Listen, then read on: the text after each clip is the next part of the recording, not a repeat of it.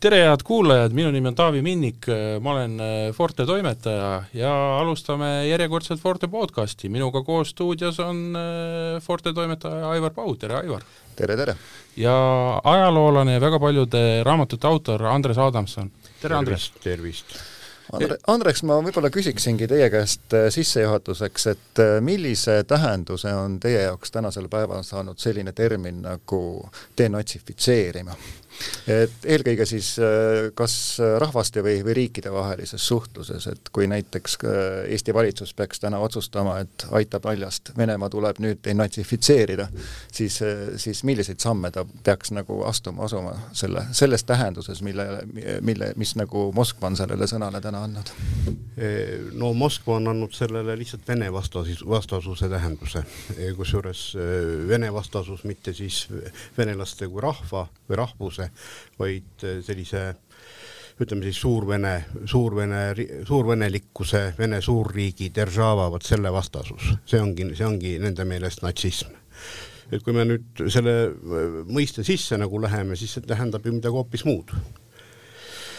et noh, äh, kui me, kui me nüüd venelaste peadesse jälle püüame vaadata, siis vene, venelased muidugi samastavad natsismi ühtlasi ka fašismiga, mis on enam-vähem õige, mitte küll päris, aga noh, enam-vähem natsism on selline ütleme, vasakpoolsem fašismi eriliik.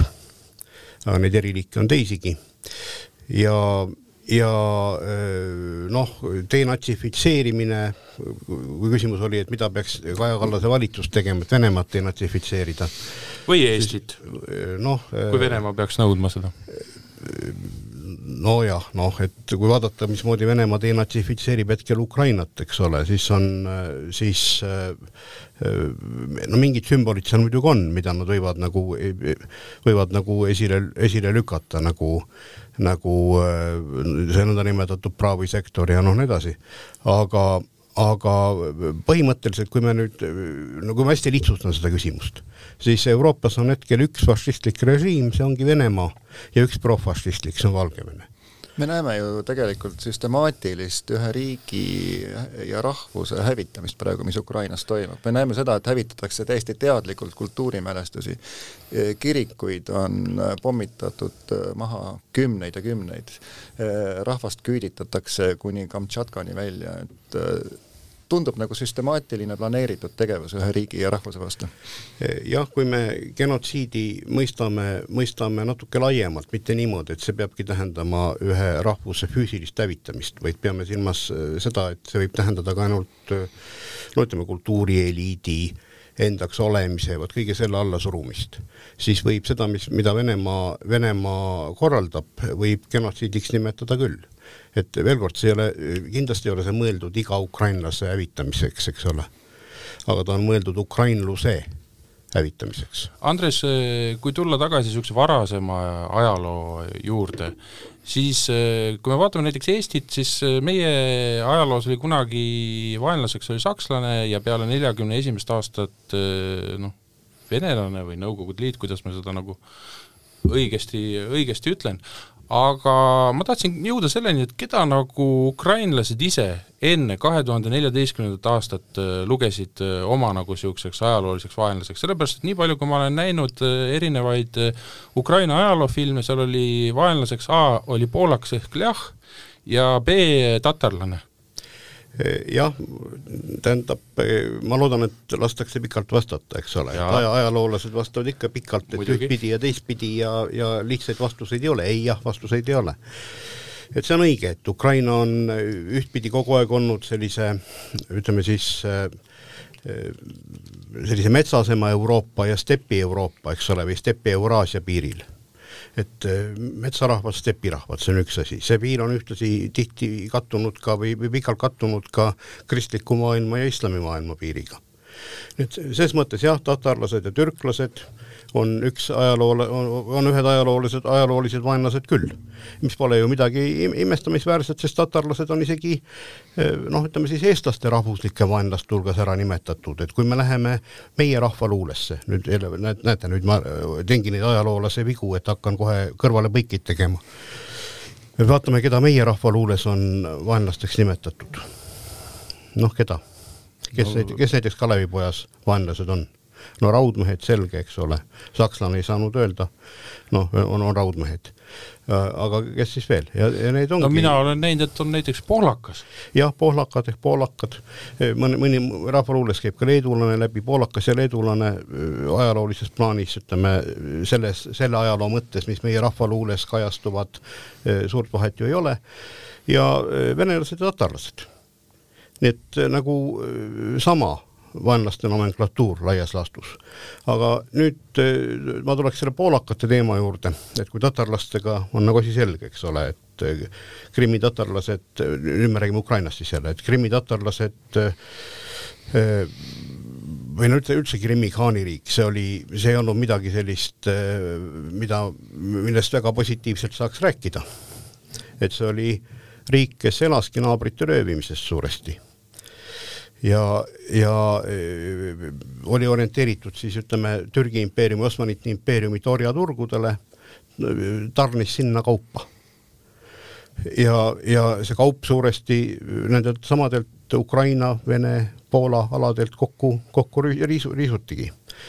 Need noh, nagu see on nagu arusaadav, eks ole, aga nüüd see teine ajalooline vaenlane või teised kaks, vaat kui meie äh, kui meie eestlaste saatuseks on olnud elada suurrahvaste, sakslaste ja venelaste vahel ja no olla rebitud kord sinna ja tänna, kord ühtede mõju all, kord teiste mõju all, et Venemaa poolt vaadates me oleksime nagu mingid kummalised sakslased ja ja, ja Saksamaa poolt vaadates me oleme nagu niisugused natuke saksastunumad, aga ikka väga venelikud, siis äh, siis äh, äh, ukrainlaste saatuseks on elada, ukrainlased, kes on suuruselt kolmas slaavi või vähemalt idaslaavi rahvas, tegelikult üldse slaavi rahvas, jah äh,, nende saatuseks on olnud elada kahe veel suurema slaavi rahva vahel.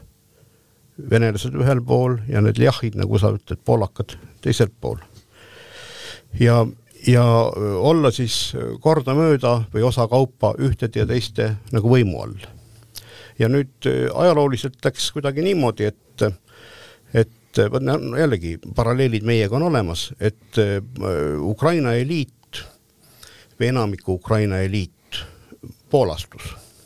Ehk siis äh, Ukraina ülakiht kõik elus edasi jõudsid ja nii edasi, niikaua kuni riik oli siis Poola-Leedu või maa oli Poola-Leedu võimu all või suuremas osas Poola-Leedu võimu all, vot see ülakiht samuti siis poolastus, läks üle poola keelele, suuresti katoliku usule ja see ülakiht oli arvukam kui meil. sest no, no meil siin oli väga väike nagu see aadli osa ühiskonnas.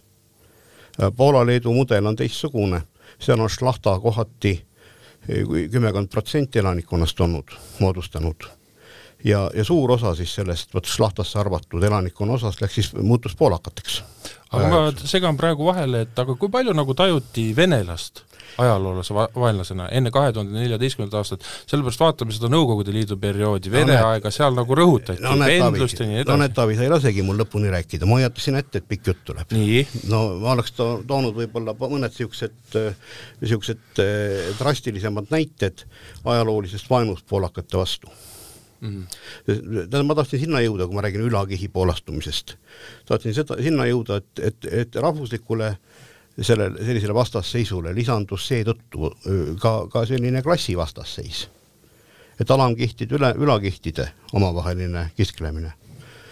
ja, ja no, no ma too, tooksin ka nüüd need näited ära, vot näiteks peaaegu et täpselt kolmsada seitsekümmend aastat tagasi, tuhande kuuesaja viiekümne teise aasta juuni algus toimus niisugune lahing nagu Batohi lahing Ukrainas, kus siis äh, ühel pool olid siis Bohdan Hmelnitski oma zaporožlastega ja, ja, ja Krimmi tatarlastega ja teisel pool oli siis Poola, Poola vägi.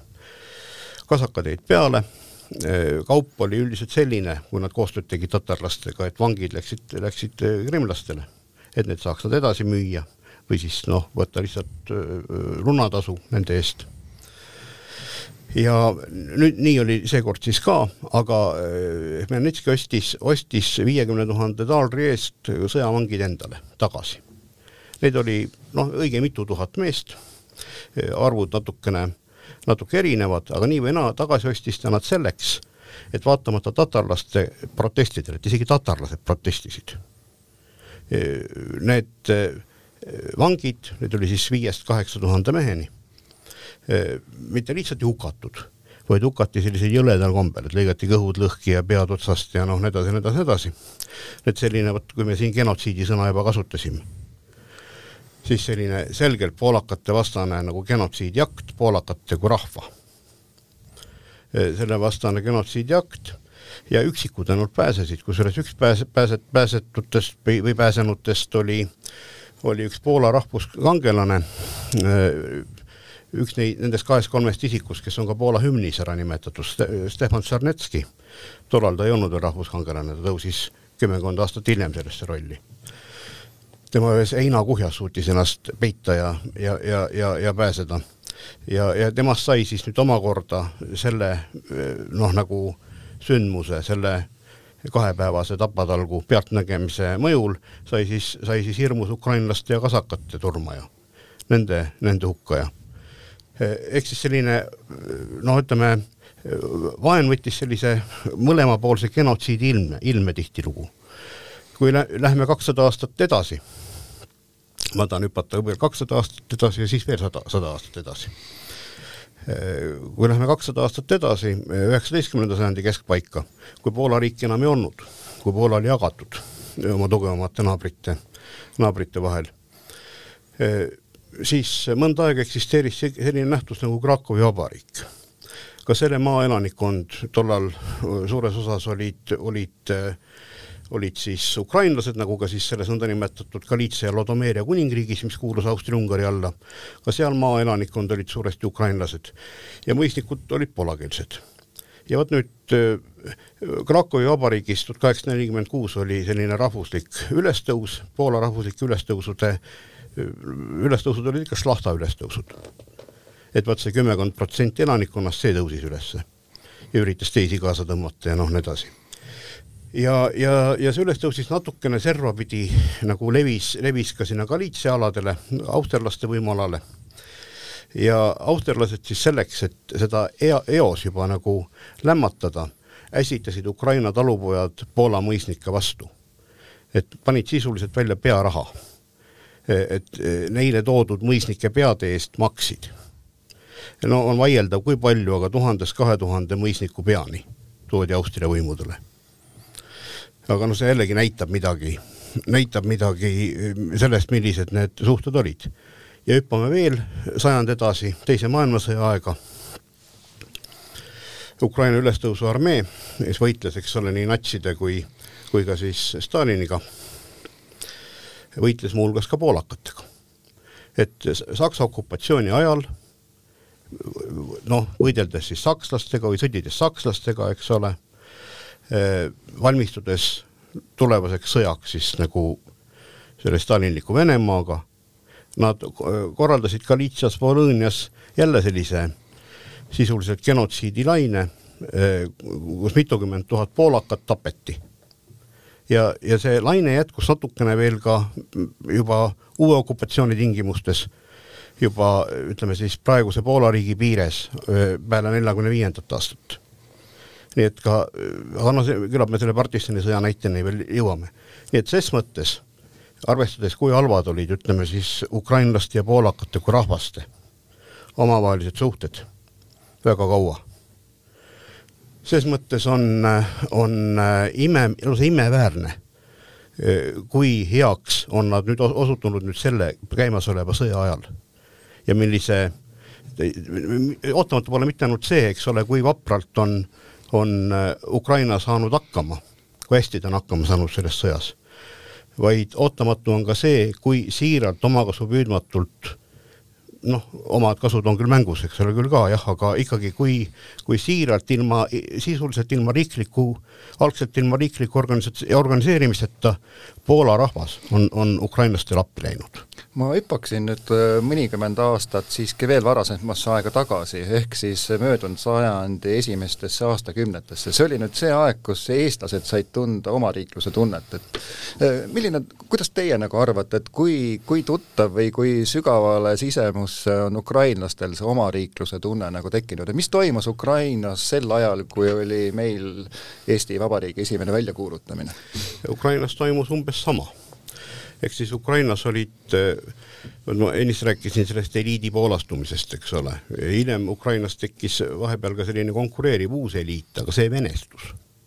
ja, ja, ja nüüd üheksateistkümnenda sajandi teisel poolel tekkis omakorda kolmandat korda nagu selline oma rahvuslik eliit, mis jäi nüüd juba ukrainakeelseks ja ukrainameelseks. Ja tekkis ta umbes samamoodi nagu meilgi tekkis samade protsesside tulemusena, ehk siis äh, rahvuslik liikumine, industrialiseerumine, linnastumine, noh edasi, vot kõik see, kõik need protsessid, mis haarasid tollal kõiki Euroopa rahvaid. ja, ja äh, laias laastus siis selles, ütleme niimoodi, et kui, et kui kakssada aastat tagasi võis tunduda, et ukrainlane, nii nagu eestlanegi, tähendab lihtsalt talupoega et ei saa neil mingit eliiti ega riiki ega midagi muud niisugust olla, oma, oma kõrgkultuuri ja noh, nii edasi siis sada aastat tagasi oli pilt muutunud nii nagu meilgi. et eliit oli uuesti juba tekkinud, oma rahvuslik eliit ja oli olemas ka omakeelne kõrgkultuur juba, noh, muidugi mitte võrreldav veel päris, eks ole, venekeelsega ja noh, nii edasi, aga oli ja olid omad poliitilised tahtmised ja nii edasi, rahvas oli juba omariikluseks enam-vähem valmis. mitte päris ühel meelel ja nii edasi, aga kui me vaatame aastatesse tuhat üheksasada seitseteist, kaheksateist ja eestlasi, kas eestlased olid ühel meelel? Kas arvati, et omariiklus on võimalik ja noh, nii edasi, niimoodi üle, üleüldiselt, eks ole, nagu nüüd. ei arvatud ju. samamoodi Ukrainas ei arvatud. aga ukrainlased jõudsid sellise ütleme siis äh, suure rahvana ikkagi, eks ole, mitmekümnemiljonilise rahvana, jõudsid selliste esimeste sammudeni või, või oma riigi, jah, ütleme sammudeni oma riigi teel, jõudsid meist ette et juba kevadel tuhat üheksasada seitseteist äh, Keskraada nagu tekib, eks ole, selline noh, ütleme kõikide Ukraina poliitiliste organisatsioonide katusorganisatsioon. ja mõnikord, mõnikord loetaksegi Ukraina Rahvavabariigi tekkeks juba kevad tuhat üheksasada seitseteist, mis on küll vaieldav, sest ka Venemaa polnud siis veel vabariigiks kuulutatud. Venemaa kuulutati alles septembri alguses, eks ole aga nii et noh, nagu, et kuhu see piir panna, et millal, millal see Ukraina Rahvavabariik, millest ukrainlased praegu loevad oma, loevad oma riiklust, riikluse algust. et, et kuhu, kuhu see algus panna, kas kevadesse tuhat üheksasada seitseteist, novembrisse tuhat üheksasada seitseteist või alles kevadesse tuhat üheksasada kaheksateist, mitte kevadesse, vabandust, talvesse tuhat üheksasada kaheksateist. Need on niisugused äh, vaieldavad teemad natukene aga noh, samamoodi on vaieldav see, kuhu panna Eesti Vabariigi alguspunkt.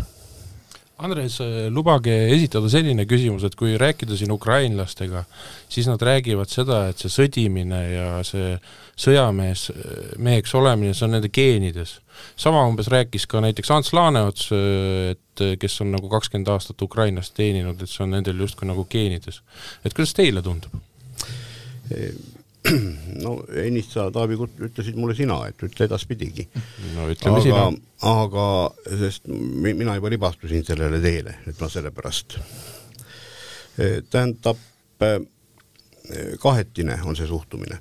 kõigepealt jah, Ukraina ajaloos üsna suur on, eks ole, kasakluse roll. ja kasakad olid ikkagi sellised poolprofessionaalsed sõjamehed. et ses mõttes jah, ukrainlaste et ukrainlaste puhul see sõjaline ajalugu, see kõik nagu on nagu olulisem või, või kesksemal kohal kui meie ajaloos või, või kui venelaste ajaloos, kui me tervet rahvast võtame, eks ole. edasi see, vot, vot seesama islamimaailma piiril olemine, mis ka tähendas sõdu, edasi seitsmeteistkümnes sajand, mis tähendas neile pidevat sõda. Need sellist, selliseid äh, selliseid perioode, kui, kui Ukraina ajalugu ongi nagu sõja ajalugu suuresti. Neid on, neil on neil rohkem kui meil ja, ja rohkem kui ütleme siis Venemaal kogu rahvast silmas pidades. ja ise nad on kah alati veendunud olnud, et nad tõesti on väga sellised noh, suured sõjamehed ja nii edasi. mina võtsin seda väga pikalt sellise, võtsin skeptil-, skeptiliselt et ma olen noores, noores eas sattusin pooleteiseks aastaks Ukrainasse ajateenistuse ajal. et oma kahest aastast poolteist olin seal üle pooleteise ja puutusin siis kohalike noh, nii ajateenistusse võetutega kui ka siis sealsete üleajateenijatega ja nii edasi, puutusin paratamatult kokku. no minule nad jätsid vastupidi nagu tollal sellise no ütleme niimoodi, sellise, sellise mulje, et ja, ja, ja, ja ka ütleme, selle praegu kestva sõja algfaas mitte, mitte siis see aktiivne faas nüüd, aga neljateistkümnenda, viieteistkümnenda järgnevate aastate äh, aastate sündmused, jätsid pigem sellise mulje, et see kõik on ainult jutt. et ei ole nad sõjamehed miskit, aga see sõda on või, või, või selle, selle sõja käik on arv-, minu arvamust täielikult muutnud ja sundinud ümber vaatama ka noh, suhtumist mõningatesse Ukraina ajaloo varasematesse faasidesse. nii et jah, näib, et neil on õigus. Kui palju üldse saab rääkida niisugusest asjast nagu Ukraina, sellepärast et kui me vaatame, seal on väga erinevad äh, regioonid, esiteks see Ida-Ukraina, Lääne-Ukraina, seal on erinev keel, erinev meelsus, erinev mentaliteet, kuidas inimesed ise nagu seda asja näevad. linnades nagu Odessa nähakse oma niisugust identiteeti hoopis erinevalt. see, need alad, mis on seal kuskil Poola piiri ääres, seal äh, rõhu, pannakse rõhk hoopis teistele asjadele ja nii edasi no ma jälle kõigepealt toon Eesti võrdluse. Eesti on pisike maa, eks ole, territooriumilt, rahvaarvult ja nii edasi. aga kas no ütleme siis tallinlane ja setu või, või ütleme, hiidlane ja narvalane, kas nad, kas nad vaatavad kõikidele asjadele ühtemoodi, kas nende mentaliteet on päris sama, ei ole ju. Et nii on ka Ukrainaga, Ukraina on palju suurem, loomulikult on seal regionaalseid erinevusi ja nii edasi. Ja keelelisi erinevusi. ja keelelisi erinevusi, aga, aga need keelelised erinevused on ka meil. nüüd äh, ma ütleksin niimoodi, et meil on erinevused isegi, isegi suuremad, sest meil on selliseid elanikkonnagruppe, kes üksteisest üldse aru ei saa. keda sa silmas pead? no võtame sellesama mingisuguse sõrmeotsa või kõpuotsa hiidlase või saarlase ja laseme tal rääkida mõne äh, terve elu ainult äh, Sillamäel või, või Narvas elanud vene rahvusest isikuga palju nad pruugivad teineteisest aru saada. sa andsid praegu väga hea idee niisuguseks aja, ajakirjanduslikuks uurimuseks ja teaduslikuks eksperimendiks no tehke see eksperiment, tähendab Ukrainas ikkagi keelelised erinevused, äh, vaatamata sellele, et osa elanikkonnast äh, ei räägi mitte ukraina, vaid vene keelt ja ütleme, laias laastus enne seda sõda oli niisugust elanikkonda kolmandiku jagu, eks ole. ja, ja veel kolmandik räägib šuršikut mitte ukraina keelt, et, et sellele vaatamata keel on ikkagi või, või need keeled on ikkagi lähedasemad palju kui, kui need keeled, mida Eesti pinnal räägitakse. see on nüüd, see on nüüd üks näide, teine ja ma tahtsin nüüd teise näite tuua. et no Lääne-Ukrainas on, eks ole, osa Lääne-Ukrainast on selline, mis pole enne tuhande üheksasaja kolmekümne üheksandat, neljakümnendat aastat Vene võimu all olnudki ja nüüd vaatamata sellele ja vaatamata sellele, et just seal, just seal, seal lääne pool, eks ole, Galiitsias, Volõnias, nii edasi, et just seal on nagu see Ukraina rahvusluse kodu. et sealt, sealt sai alguse nende, ütleme, Ukraina rahvuslike sümbolite kasutamine saja viiekümne aasta eest ja natuke rohkem, saja seitsmekümne aasta eest ja, ja noh, ütleme niimoodi jah, et kõige, kõige, kõik noh,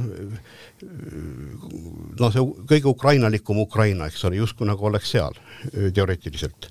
aga nüüd vaatamata sellele, et, et sajandeid need alad pole ülejäänud Ukrainaga kokku kuulunud, on nad ikkagi kogu aeg tundnud kokkukuuluvust ülejäänud Ukraina rahvaga et ma tahan siis vastupidise näite tuua, et, et mitte see lõhestatus ja see, et on regiooniti noh, ajalugu natuke erinevalt läinud, keel natuke erinev ja nii edasi, vaid et ühendavaid, ühendavaid tegureid, seda, mis teeb ukrainlasest ukrainlase.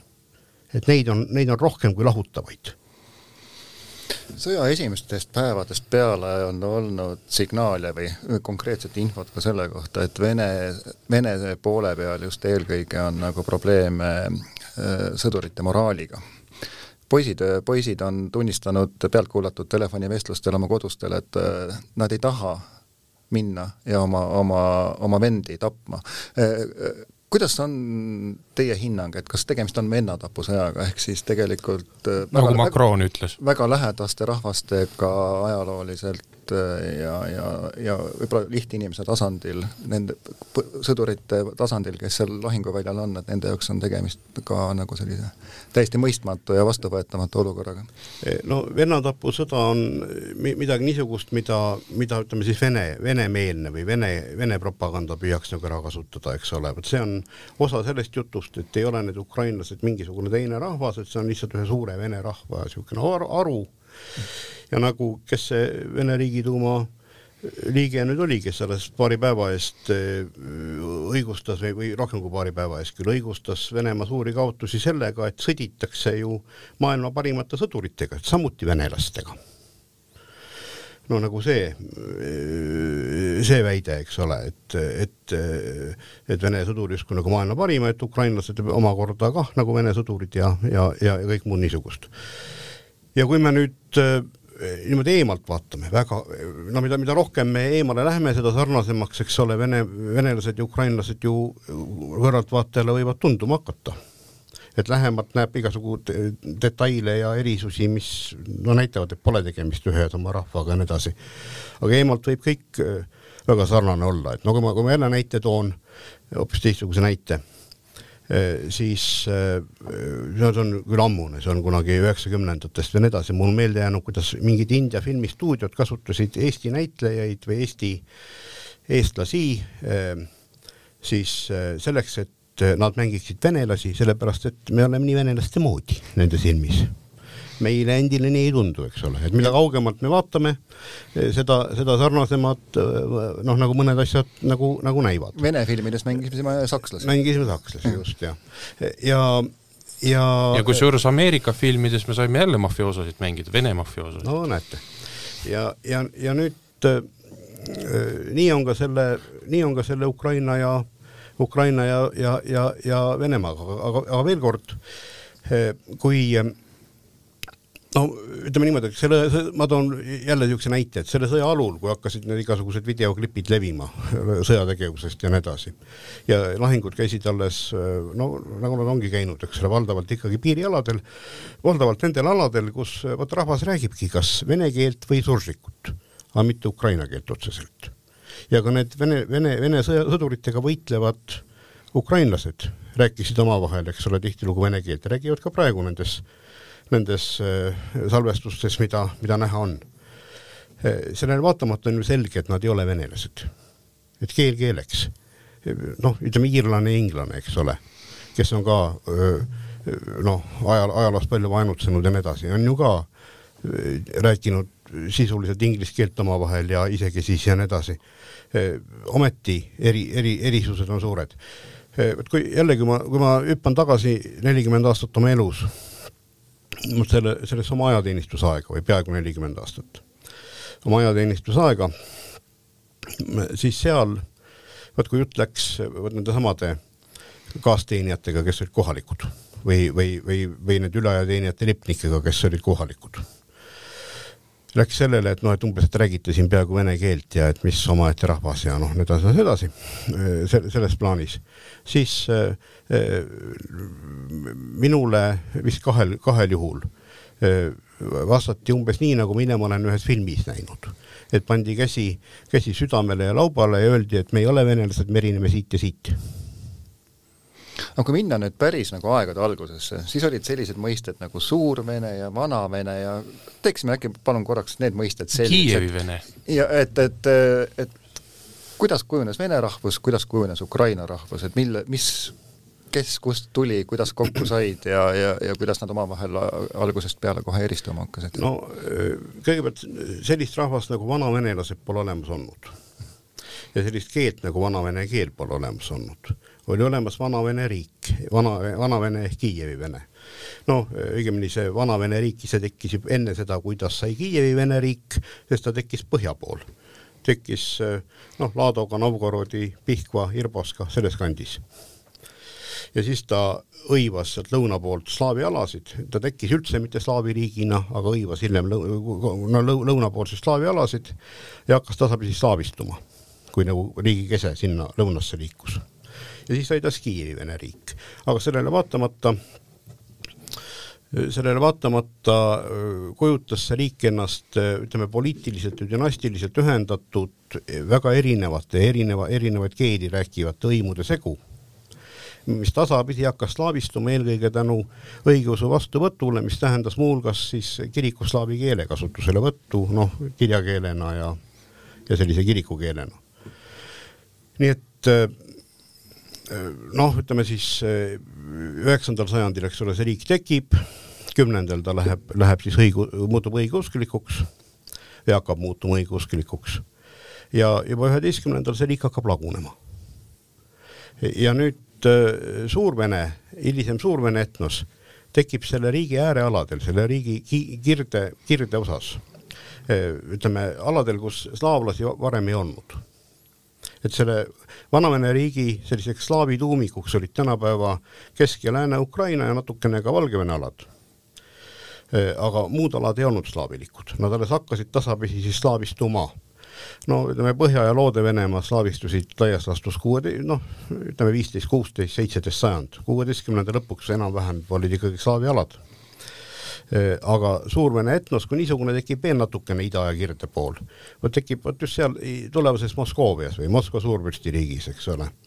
hakkab tekkima kaheteistkümnendal sajandil, põhjaks on, on Läänemere, mitte Läänemere, ütleme Kesk-Soome, noh, merialased merja, merjarahvas eelkõige. merialased, kes kildudena püsisid hiljem venelaste, suurvenelaste seas kuni kahekümnenda sajandini ja lisanduvad siis slaavi kolonistid ja hiljem ja lisanduvad ka need ütleme siis kuldordi ajal juba tulevad tatari, bulgaari, vot kõik, kõik need lisandused. nii et sellisel ütleme siis Merja-Soome slaavi, tatari põhjal. kus need, kus need, kus need slaavlased üldse tulid, algusest nagu liikuma hakkasid, me teame, et eestlased hakkasid tulema kuskilt sealt Tuuralitest. no see on niisugune, see on niisugune populaarne, populaarne äh, arvamus, jah. slaavlaste algkodu niimoodi keeleteaduslikel andmetel, eks ole, mis e-, enam-vähem kattub ka, kui me vaatame geneetilist pilti ja, ja noh, nii edasi. slaavlaste algkodu jääb sinna Pripjati jõgikonna kanti. see on siis Valgevene-Ukraina piirialad laias laastus ja sealt, sealt siis hakati nagu laiali, laiali liikuma, aga nii nagu kõikide selliste ütleme, keelte levikuga, valdavalt ei ole toimunud mitte, mitte elanikkonna sellist suurt ümberpaiknemist, ehkki seda ka, vaid toimunud on ümberrahvustumine. nii et kui me noh, nagu Äh, niimoodi ma teen hästi julge üldistuse, eks ole, et niimoodi ei tohiks tegelikult väita ja nii edasi. et kui me no, no võtame, näiteks eestlased, eks ole, et kui me võtame, et kui palju me, me oleme nagu soome-ugrilased, kui me võtame mingisugused geneeti-, geneetilised tüübid või, või mingid liinid, mida peetakse soome-ugrilikeks, siis me oleme soome-ugrilased võib-olla kolmekümne protsendi osas aga peame end kõik, eks ole, kõige ehtsamateks. aga kes me siis oleme? no me oleme eestlased. me olemegi nii tekkinud me oleme siin tekkinud, me pole kuskilt, kuskilt eh, siia rännanud, eks ole, meie esivanemad on tulnud erinevatest kohtadest. kusjuures geeniteadlased Aga... räägivad, et meil on täna lätlastega juba rohkem eh, ühiseid geene kui soomlastega. no eh, nii ta on niikuinii, põhjalätlased on meie kõige, kõige suuremad sugulased, ka kultuurilises plaanis aga ja, ja muide, me, me, eks ole, seda näidet ennem ei toonud, aga saja aasta eest ka eestlased ja lätlased said väga halvasti läbi ja, ja, ja kui me läheme ka ajas tagasi, ütleme viiskümmend aastat või nelikümmend aastat, isegi kolmkümmend, ütleme siin Eesti, Eesti ja Läti taasiseseisvumise aega, siis ega eestlaste, lätlaste kui rahvaste läbisaamine just hirmus hea ei olnud. Ja ka perspektiiv selle heaks läbisaamiseks ei olnud väga suur, sellepärast et me konkureerime ju samas nišis, majanduslikus mõttes, kultuurilises mõttes, noh, nii edasi eks ole, meie piir oli aja, ajaloos pidevalt selline liikuv ja, ja tülide küsimus ja, ja noh, nii edasi. aga vot midagi juhtus siin paarikümne aasta eest või natuke varem võib-olla ja praegu ja praeguseks on tekkinud olukord, kus paremat sõpra kui põhjalätlane eestlasel ei saagi olla. viin ja bensiin läksid väga odavaks vahepeal? mitte sellepärast, ma noh, mul on siin omad teooriad ja nii edasi, aga ma ei hakka neid, neid rääkima. tähendab, lähme Ukraina juurde. aga Andres, kas tohib, eh, siin väga palju räägitakse sellest, et Ukraina president on juut, aga kas eh, tohib teha niisuguse nagu tõlgenduse, et soome-ugrilane ehk siis Vladimir Putin sõdib juudiga ehk Vladimir Zelenskõi? tähendab, Taavi, sa oled ajalooharidusega, oled? Kas, kas ega sa ometi arva, et rahvast tähendab mingi, et rahvast on võimalik taandada päritolule? et rahvused on, on, on kultuuripõhine fenomen. kuhu kuulub Vladimir Zelenskõi eh, kultuurilises plaanis? no kuna ta on venekeelne ikkagi selles vene ruumis olnud, siis ta on ikkagi pigem venelane, mis sest juudi päritolu. jah no olgu peale, ärme seda vaidlust siin ava. ma, ma võib-olla hüppan sellesse eel, eelmisesse küsimusse tagasi, kus oli, ma tõin näite, et kes on, mis on, milline on Eesti päritolu. vot kui me nüüd hüppame, hüppame ukrainlaste päritollu, siis nemad jälle väga suure üldistusena on vast niimoodi kuuskümmend protsenti slaavi põhjal tekkinud ja, ja kui me hüppame suurvenelaste äh, nagu päritollu, siis nemad on ütleme nelikümmend protsenti või kolmkümmend, nelikümmend protsenti slaavi põhjal tekkinud. ehk siis äh, tahan sinna jõuda, et, et ukrainlased on äh, tegelikult päritolult, verelt jutumärkides, eks ole, geenidelt, nad on slaavilikum rahvas kui, kui venelased. ja venelased on rohkem noh, servapidi nagu meie poole, eks ole ehk siis soome-ugrilased. ja just jah, ja, ja äh, no nad ei ole, eks ole, nad on venelased, aga kui me räägime päritolust, juurtest. ja, ja nüüd küsimuse teine osa oli, et millal tekkisid. vot kui ma ütlesin, et Vana-Vene, Vana-Vene riigi ajal vana, Vana-Vene rahvust ei olnud, siis ja, ja et Suur-Vene rahvus hakkas tekkima seal kaheteistkümnendal sajandil, kujunes välja hiljem noh, ütleme siis viisteist, kuusteist, seitseteist sajand, see on suurvene rahvuse selline selge nagu väljakujunemise, kuju-, kujunemise aeg, no kuusteist on, kuusteist on juba ütleme laias laastus olemas, aga siiski erinevused põhjavenelase ja Moskva venelase vahel on veel suured. Ja erinevus väikevenelasest ehk siis, eks ole, ukrainlasest on veel suurem. vot Ukraina rahvas ja Valgevene rahvas tekivad umbes samal ajal. aga lihtsalt see slaavi põhi on neil nagu olulisem mm. -hmm. kes teie jaoks Gogol on? et, äh, et, et sündis on..., sündis Ukrainas, alguses sünnipäraselt oli pool nime oli veel Poola nimi, pida, pida, pidas oma aukohuseks minna Venemaale üheksateistkümnendal sajandil, sai Puškiniga suureks sõbraks, nüüd mängitakse teda Tallinna Vene, Vene Draamateatris. ma küsiks, mismoodi Gogolit äh, ukrainapäraselt hääldada? Hohol. Hohol mm. -hmm. ja Hohol on, eks ole äh,, ukrainlase noh, selline pilke nimi nagu vene keeles. ehk siis seda, et ta on päritolult ukrainlane, pole küsimus, aga ta on vene kirjanik. Noh, kui niimoodi võiks küsida ka, et kes on Mihhail Bulgakov, Kiievis sündinud, üles kasvanud, koolid käinud Ukraina, Ukraina Rahvavabariigi, vabandust, mitte Ukraina Rahvavabariigi, vaid vahepeal eksisteerinud Ukraina Etmani riigi sõjaväes sõjavarst kes ta niisugune oli siis? Vene kirjanik. et äh, see on kultuuripõhine asi ja Gogol, Gogol oli, Gogol vastupidi oma loomingus on äh, ütleme siis, tema looming on osalt isegi, äh, ongi niisugune suurvenelik ütleme, et ei saa öelda, et Ukraina vastane, eks ole, aga kui me võtame selle Taras Bulba näiteks, mis on selline anti, antiajalooline või antihistoristlik äh, käsitlus ses mõttes, et ta rõhutabki seal just seda, ütleme siis seda suurvene, tema Taras Bulba on vene kasakas aga kui siin läks juba jutt kultuuritegelastele, Andres, kuidas sa suhtud sellesse, et ei võeta maha ainult mitte seal ütleme mingite bolševike ja Lenini ausambaid, nagu seal peale kahe tuhande neljateistkümnendat aastat, aga ka näiteks Puškinit?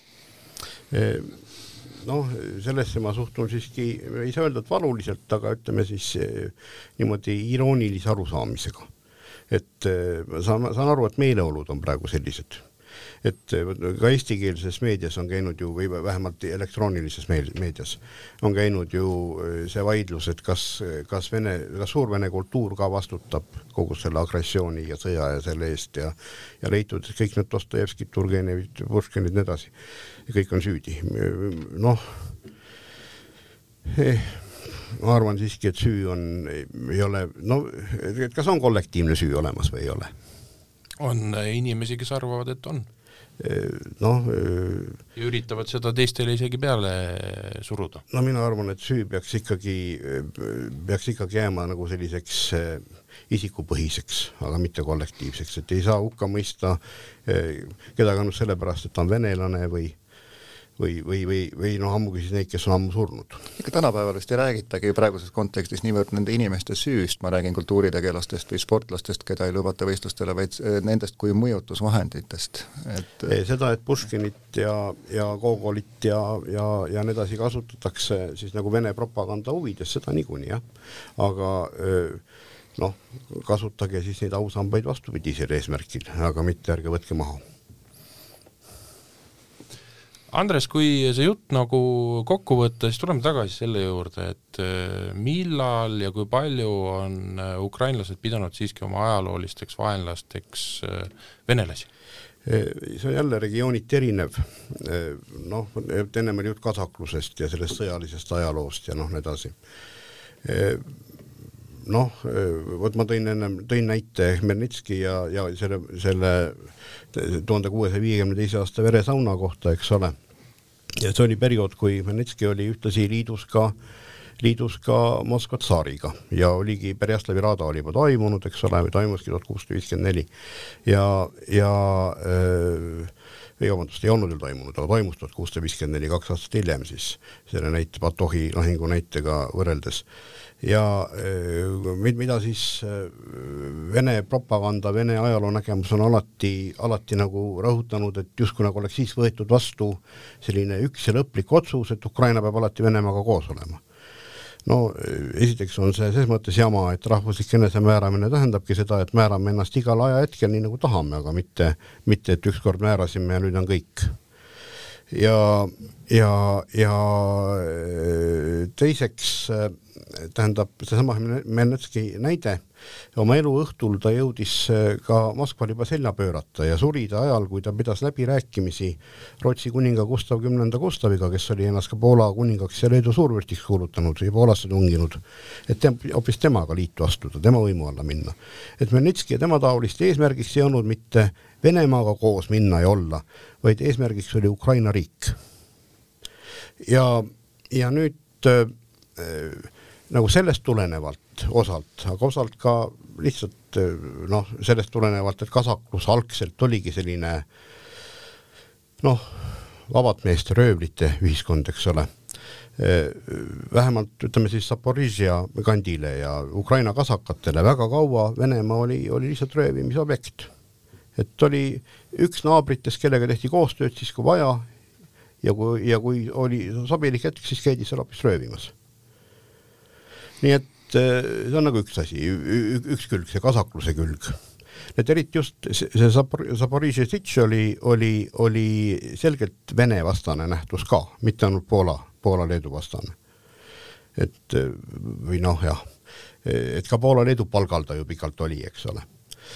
Äh, nii et noh, ütleme siis seitsmeteistkümnes sajand, mis on Ukraina jaoks kõige õnnetum mida ka sajandi teist poolt kutsutakse, kutsutaksegi, kutsutaksegi Ruina ahervaremed. see oli aeg, kus eh, siis eh, erinevad Ukraina kasaka vanemkonna osad orienteerusid kes Moskvale, kes Poola, Leedule, kes Türgile ja võitlesid ka omavahel. ja, ja, ja kõik need suured naabrid olid noh, kord liitlased, kord vaenlased. Et noh, ja nüüd, kui me võtame Lääne, Lääne-Ukraina, siis nende jaoks on on Venemaa läbi ajaloo olnud eelkõige vaenlane. Teie ennustus, mis saab pärast seda, kui Ukraina on nüüd selle käimasoleva sõja ära võitnud, kuidas, kuidas need rahvad omavahel edasi suhtlevad? Kui, kui pikaks ajaks või kui vihaseks jääb see vaen sinna kahe rahva vahele? no see sõltub nüüd muidugi sellest, mismoodi see sõda lõpeb ja millal ta lõpeb, et kas, sõltub sellest, mida me selle võidu all siin nagu mõtleme no mida te mõtlete? selle, selle, vot kui te ütlete, et kui Ukraina on ära võitnud. ma arvan, et Ukraina klassikaline võit on ikka võiduparaad ja kõik. eelkõige ikkagi ma pean silmas seda, et territoorium on vabastatud, kaasa arvatud Krimm tagasi saadud ja, ja rahvas, kes on vist enam kui vist saame rääkida, et miljonid inimesed on küüditatud Venemaal, et see rahvas hakkab vaikselt äh, Ukrainasse tagasi tulema. nii põgenikud kui ka need, kes on Venemaale küüditatud. no kui me, kui, kui ütleme niimoodi, et me peame rääkima, eks ole, nendes reaalsustes, mida me näeme. no mis on tõenäoline, mida me räägime ainult lähitulevikust, räägime lähematest äh, kuudest või aastatest. ma kardan, et selline võit hetkel veel tõenäoline ei ole no seda on ka president Zelenskõi öelnud, et kõigepealt on nende eesmärgiks siis vabastada nagu see territoorium, mis oli Ukraina riigi kontrolli all kahekümne neljandal veebruaril kaks tuhat kakskümmend kaks. Nonii, et ülejäänud, ülejäänu osas leida, leida lahendust poliitiliste meetoditega, mis võib kes-, venida aasta, aastakümneid, võib-olla noh, mine tea, kui kaua, eks ole, kas nüüd aastasadu, aga, aga, aga nii ja naa. et eh, eh, noh, jällegi, et et see, mida me eelkõige tahame praegu Ukrainas, eks ole, ei ole ju, ei ole ju nagu jääme nüüd realistideks, et jätame need, ütleme sellised äh, mingisugused äh, muinasjutulised lahendused, eks ole, või, või, või, või noh, räägime ainult, ainult nende, nende realiteetide baasil, mida me, mida me näeme. et kui, kui, kui ütleme niimoodi, et poliitilises plaanis Ukraina sõja niikuinii juba võitnud, sest ta on püsima jäänud. noh, kui ma toon jälle, toon, toon näiteks talvesõja soomlaste oma. Soome kaotas selle tehnilises plaanis ja kaotas ka kümme protsenti, kümme protsenti oma territooriumist ja pidi pool miljonit inimest peaaegu ümber asustama ja noh, nii edasi. aga me võtame seda kui võitu, eks ole, moraalset, poliitilist, noh, nii edasi. on ju nii? kui me ise tunneme kerget alaväärsuskompleksi soomlastega võrreldes, et meie andsime alla, näed, kolmkümmend üheksa, nelikümmend, eks ole, aga nemad, no see pole päris nii tegelikult, see oli tööõnnetus, see sõda, tähendab, aga aga eh, nii või naa nad jäid püsima ja võtame seda kui võitu. Ukraina on püsima jäänud, see oli selge sõja kolmandaks päevaks. et poliitilises mõttes, moraalses mõttes Ukraina on võitnud nagunii aga mis aga... see sinu prognoos on ikkagi, tuleme selle küsimuse juurde tagasi, mis see sinu prognoos on, kuidas need kaks rahvast tulevikus omavahel suhtlevad peale, ütleme siis, kui see aktiivne sõjategevus on lõppenud? kas no, jääbki nagu selline tuli tuha alla vinduma? no ma tõin, tõin ennist selle, selle Ukrain-, ukrainlaste, poolakate näite. Et alles eh, mõnikümmend aastat tagasi eh, mitte poolakad ukrainlasi, vaid ukrainlased poolakaid tapsid sada tuhat. nii ja nüüd on, eks ole, ei ole suuremat liitlast. E, tähendab jällegi, et inimesed erinevalt, mingite grupid erinevalt, regiooniti võib-olla veidi erinevalt, eks ole, aga, aga laias laastus, kui sõda lõpeb, leitakse mingisugused poliitilised lahendused omavaheliste tülide lõpetamiseks ja nii edasi. kui see, e, ütleme siis see suur Vene vallutusiha, kui see nagu järele annab, eks ole siis, siis kahe, noh, kahe-kolme inimpõlvega ma arvan, et suhted ikkagi normaliseeruvad. inimpõlv ei tähenda mitte inimese eluiga, vaid paarkümmend aastat. See olekski võib-olla sobiv moment meie tänasele jutule joon alla tõmmata, stuudios olid Aivar Pau, Taavi Minnik ja külaliseks oli ajaloolane Andres Adamson, tänan kuulamast!